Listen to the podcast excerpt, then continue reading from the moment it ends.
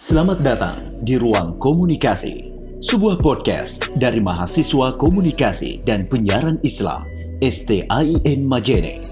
Menyajikan perbincangan menarik seputar Islam dan ilmu komunikasi dengan narasumber ekspor dan terpercaya bersama para podcaster Suhiryanto, Durfahmi, Alfiani, Bagfira, dan Syahrul. Selamat mendengarkan dan semoga tercerahkan. Selamat siang, Anda bergabung di episode perdana Ruang Komunikasi.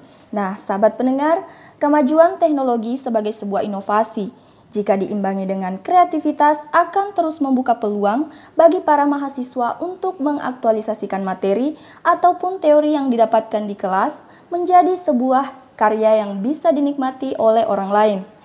Fenomena ini sekaligus menjadi tuntutan dan tantangan bagi para mahasiswa yang berkuliah pada jurusan ataupun program studi ilmu komunikasi maupun komunikasi dan penyiaran Islam. Karena merekalah yang setiap harinya belajar tentang media, perangkat, dan keterampilan yang dibutuhkan dalam industri ini. Lantas, apa saja sih yang dipelajari mahasiswa komunikasi yang berkaitan dengan media massa maupun media sosial? Dan skill apa saja yang dibutuhkan untuk bersaing dalam bidang komunikasi? Lalu bagaimana kampus mengembangkan dan mengasah kemampuan ini? Sudah hadir bersama saya Ibu Fatia, Ketua Program Studi Ilmu Komunikasi Stein Majene. Assalamualaikum, selamat siang Ibu. Waalaikumsalam, selamat siang. Nah, Bu Fatia, bisa dijelaskan apa sih sebenarnya program studi komunikasi dan penyiaran Islam ini? Oke, komunikasi dan penyiaran Islam. Mungkin eh, kalau di kampus lain, entah itu negeri ataupun swasta, kita sering mendengar program studi ilmu komunikasi. Nah, komunikasi dan penyiaran Islam adalah jurusan ilmu komunikasi.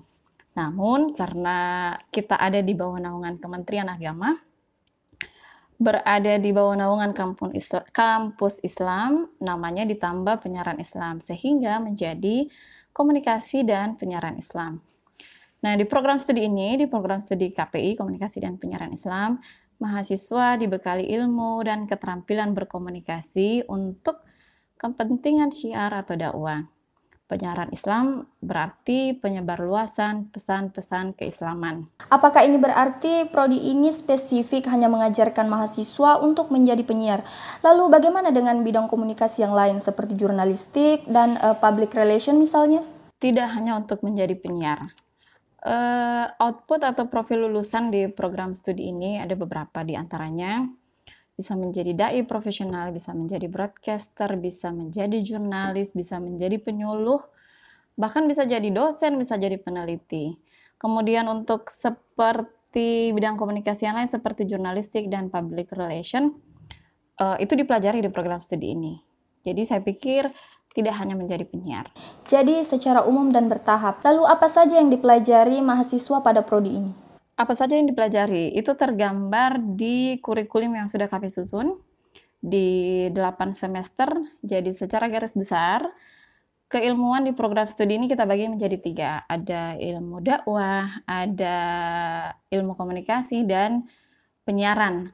Jadi ke semua mata kuliah yang tersebar di 8 semester untuk mengcover ketiga keilmuan itu tadi. Nah, Stein Majene sebagai kampus baru nih. Lalu bagaimana perkembangan prodi ini jika ukurannya adalah jumlah mahasiswa? Di tahun ini tahun 2019 eh, adalah tahun ketiga Stein beroperasi. Begitu juga dengan prodi KPI dan alhamdulillah dari tahun ke tahun peningkatan jumlah mahasiswa cukup signifikan. Sekedar sebagai gambaran di tahun pertama di program studi komunikasi dan penyiaran Islam, kita punya mahasiswa aktif sebanyak 20 orang. Itu yang aktif ya. Kemudian di tahun 2018 mahasiswa yang aktif jumlahnya 33 orang dan tahun ini 2019 mahasiswa yang tercatat itu sebanyak 300 orang. Jelas ini adalah perkembangan yang luar biasa bagi kami di Prodi KPI karena perkembangannya sekitar 300%. Lah, kira-kira apa sih yang membuat uh, peminat prodi komunikasi dan penyiaran Islam ini terus bertambah? Kenapa terus bertambah? Saya pikir banyak faktor. Dari tahun ke tahun, Stein Majene terus berbenah memperbaiki sarana dan prasarana. Jelas ini menjadi salah satu aspek yang menarik perhatian masyarakat. uh, di Sulawesi Barat.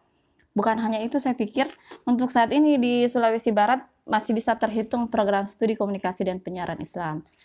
Sehingga mahasiswa yang menginginkan kuliah mengambil program studi ini tidak perlu jauh-jauh tidak perlu keluar Sulawesi Barat karena di Majene ada. Itu saya pikir salah satu faktor yang menyebabkan kenapa program studi ini banyak peminatnya. Di satu sisi ini adalah eh, keberhasilan, tapi di sisi lain ini akan menjadi tantangan bagi program studi KPI. Sehingga ke depannya kita hanya tidak berfokus kepada jumlah mahasiswa, tetapi bagaimana peningkatan kualitas mahasiswa. Lah, kira-kira apa sih yang membuat uh, peminat prodi komunikasi dan penyiaran Islam ini terus bertambah? Saya pikir perkembangan teknologi informasi dan komunikasi hari ini tidak ada satu orang pun yang tidak merasakan manfaatnya, walaupun banyak uh, dampak negatifnya itu adalah hal lain. Saya pikir bukan hanya dosen, yang merasakan manfaatnya eh, mahasiswa juga diberi banyak kemudahan karena perkembangan teknologi dan informasi. Kami para dosen tidak lagi disusahkan untuk menyiapkan materi bahan ajar karena banyak tools yang disediakan di internet bahkan membantu interaksi antara mahasiswa dan dosen jauh lebih mudah. Media massa bagian dari teknologi yang terus berkembang nih. Lalu eh, baik perangkat, maksud kami maupun bentuk siarannya. Lantas mahasiswa KPI di Stein Majene belajar apa saja sih yang berkaitan dengan media? Ya, sebagai gambaran saat ini program studi komunikasi dan penyiaran Islam kurikulumnya sudah disusun berdasarkan kualifikasi KKNI ini berarti bahwa kurikulum disusun berdasarkan kebutuhan dunia kerja. Perkembangan media massa ataupun media lainnya hari ini sangat berkembang pesat dan kami berusaha untuk menyesuaikan mata kuliah yang ada di program studi komunikasi ditambah lagi Stain Majene punya ciri khas yaitu unggul di bidang teknologi. Jadi mata kuliah yang disediakan dan disusun hari ini kami berusaha untuk menyesuaikan dengan itu semua. Media massa bagian dari teknologi yang terus berkembang nih. Lalu eh, baik perangkat, maksud kami maupun bentuk siarannya. Lantas mahasiswa KPI di Stein Majene belajar apa saja sih yang berkaitan dengan media? Seperti yang tadi saya telah katakan bahwa hari ini kurikulum di KPI sudah disusun berdasarkan kualifikasi KKNI. Jadi dengan kurikulum yang kami susun, kami harap itu sudah mampu untuk membawa mahasiswa mampu mengikuti dan memahami perkembangan media saya pikir. Selain pemahaman media, lalu skill apa saja yang mutlak harus dimiliki mahasiswa KPI? Uh, eh, banyak skill saya pikir, tetapi uh, karena kita adalah program studi komunikasi dan penyiaran, maka skill hari ini yang dibutuhkan oleh mahasiswa untuk menunjang uh, bidang penyiaran saya pikir. Tapi bukan hanya itu. Di prodi KPI sekarang kita punya program unggulan yang kemudian berusaha untuk meningkatkan kemampuan mahasiswa di bidang menulis, di bidang public speaking, juga di bidang broadcasting. Mengapa keterampilan yang Anda sebutkan itu menjadi tuntutan mahasiswa KPI? Hari ini dunia kerja sangat membutuhkan keterampilan itu. Karena dunia kerja sangat membutuhkan keterampilan itu, kami harapkan para mahasiswa sebelum keluar dari kampus TAIN, sebelum mereka menjadi alumni Prodi KPI, mereka sudah punya skill itu. Mereka sudah mampu untuk menyesuaikan dengan kebutuhan dunia kerja. Bagaimana kampus mengembangkan keterampilan itu? Uh, kita punya program unggulan di KPI sekarang melalui study club yang dibina di prodi ini walaupun sekarang kondisinya masih sangat terbatas, tetapi dalam jangka waktu panjang, insya Allah itu akan, insya Allah itu akan terus uh, kami jalankan melalui program-program itu tadi writing, broadcasting, dan juga public speaking. Nah, sebagai kampus baru, tentunya masih ada infrastruktur komunikasi penyiaran yang belum yang maksud kami yang dalam proses pengadaan. Lalu bagaimana menyikapi hal itu agar mahasiswa tetap bisa optimal iya, dalam belajar? Iya, betul sekali. Idealnya memang eh, program studi komunikasi dan penyiaran Islam itu punya laboratorium. Punya laboratorium, tapi untuk saat ini prodi KPI belum punya itu dan insya Allah ini masih dalam tahap pembangunan. Insya Allah dalam waktu dekat semua itu bisa terrealisasi. Tapi untuk menutupi itu, kami berusaha untuk memuaskan mahasiswa dengan berbagai macam kegiatan. Seperti beberapa kali kami lakukan kunjungan ke media, kunjungan ke stasiun radio, dan insya Allah kita akan melakukan kunjungan ke stasiun televisi sebagai bentuk dari aplikasi mata kuliah yang sudah diajarkan di kelas. Baik. Mengapa pembelajaran berupa kunjungan media menjadi metode yang efektif? menjadi jelas menjadi e, metode yang efektif karena diharapkan melalui kunjungan itu mahasiswa kemudian mampu mengaplikasikan, mampu melihat secara langsung di lapangan bagaimana teori yang sudah mereka pelajari di kelas bisa mempraktekkan itu intinya. Selain kunjungan, metode apa lagi yang diterapkan? Uh, ini mahasiswa paling atas sekarang sudah semester 5.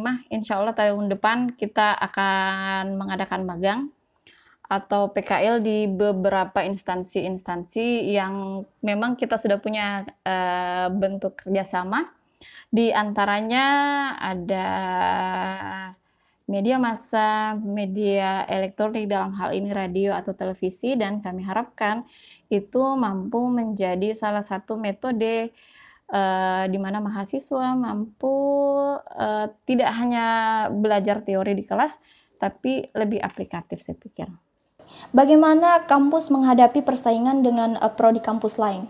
Seperti tadi yang saya kemukakan untuk saat ini di Sulawesi Barat khususnya, kampus yang membuka program studi ilmu komunikasi dan penyiaran Islam masih sedikit sehingga dalam hal ini ini menjadi tanggung jawab besar bagi prodi untuk meningkatkan kualitas mahasiswa sehingga mampu bersaing dengan program studi KPI di kampus lain. Ada target tertentukah yang ingin dicapai uh, prodi KPI Stein Majene? Kalau untuk sekarang target kita bukan lagi untuk mencari mahasiswa sebanyak-banyaknya, tetapi lebih kepada peningkatan kualitas.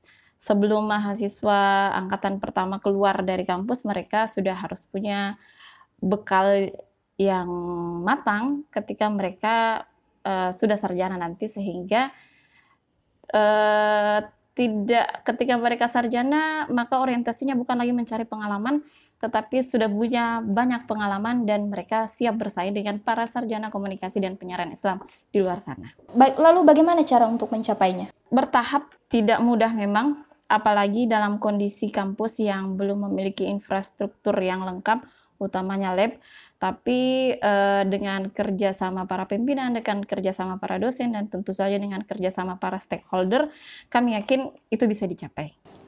Lalu apa tantangan terberat mahasiswa KPI saat ini? Tantangan terbesar mahasiswa KPI. Eh, kita tahu bahwa hari ini di Sulawesi Barat, industri penyiaran uh, belum semaju mungkin di kota-kota lain, itu menjadi tantangan sebenarnya. Tetapi di sisi lain, itu bisa menjadi peluang. Karena belum banyak sarjana ilmu komunikasi, ketika nanti saya yakin dalam dua atau lima tahun ke depan uh, industri penyiaran akan masuk di wilayah Sulawesi Barat dan ketika itu terjadi maka mahasiswa KPI Stein Majene harus ambil bagian dalam hal itu. Baik, nah terakhir apa harapan Anda untuk mahasiswa KPI dan Stein Majene ke depannya?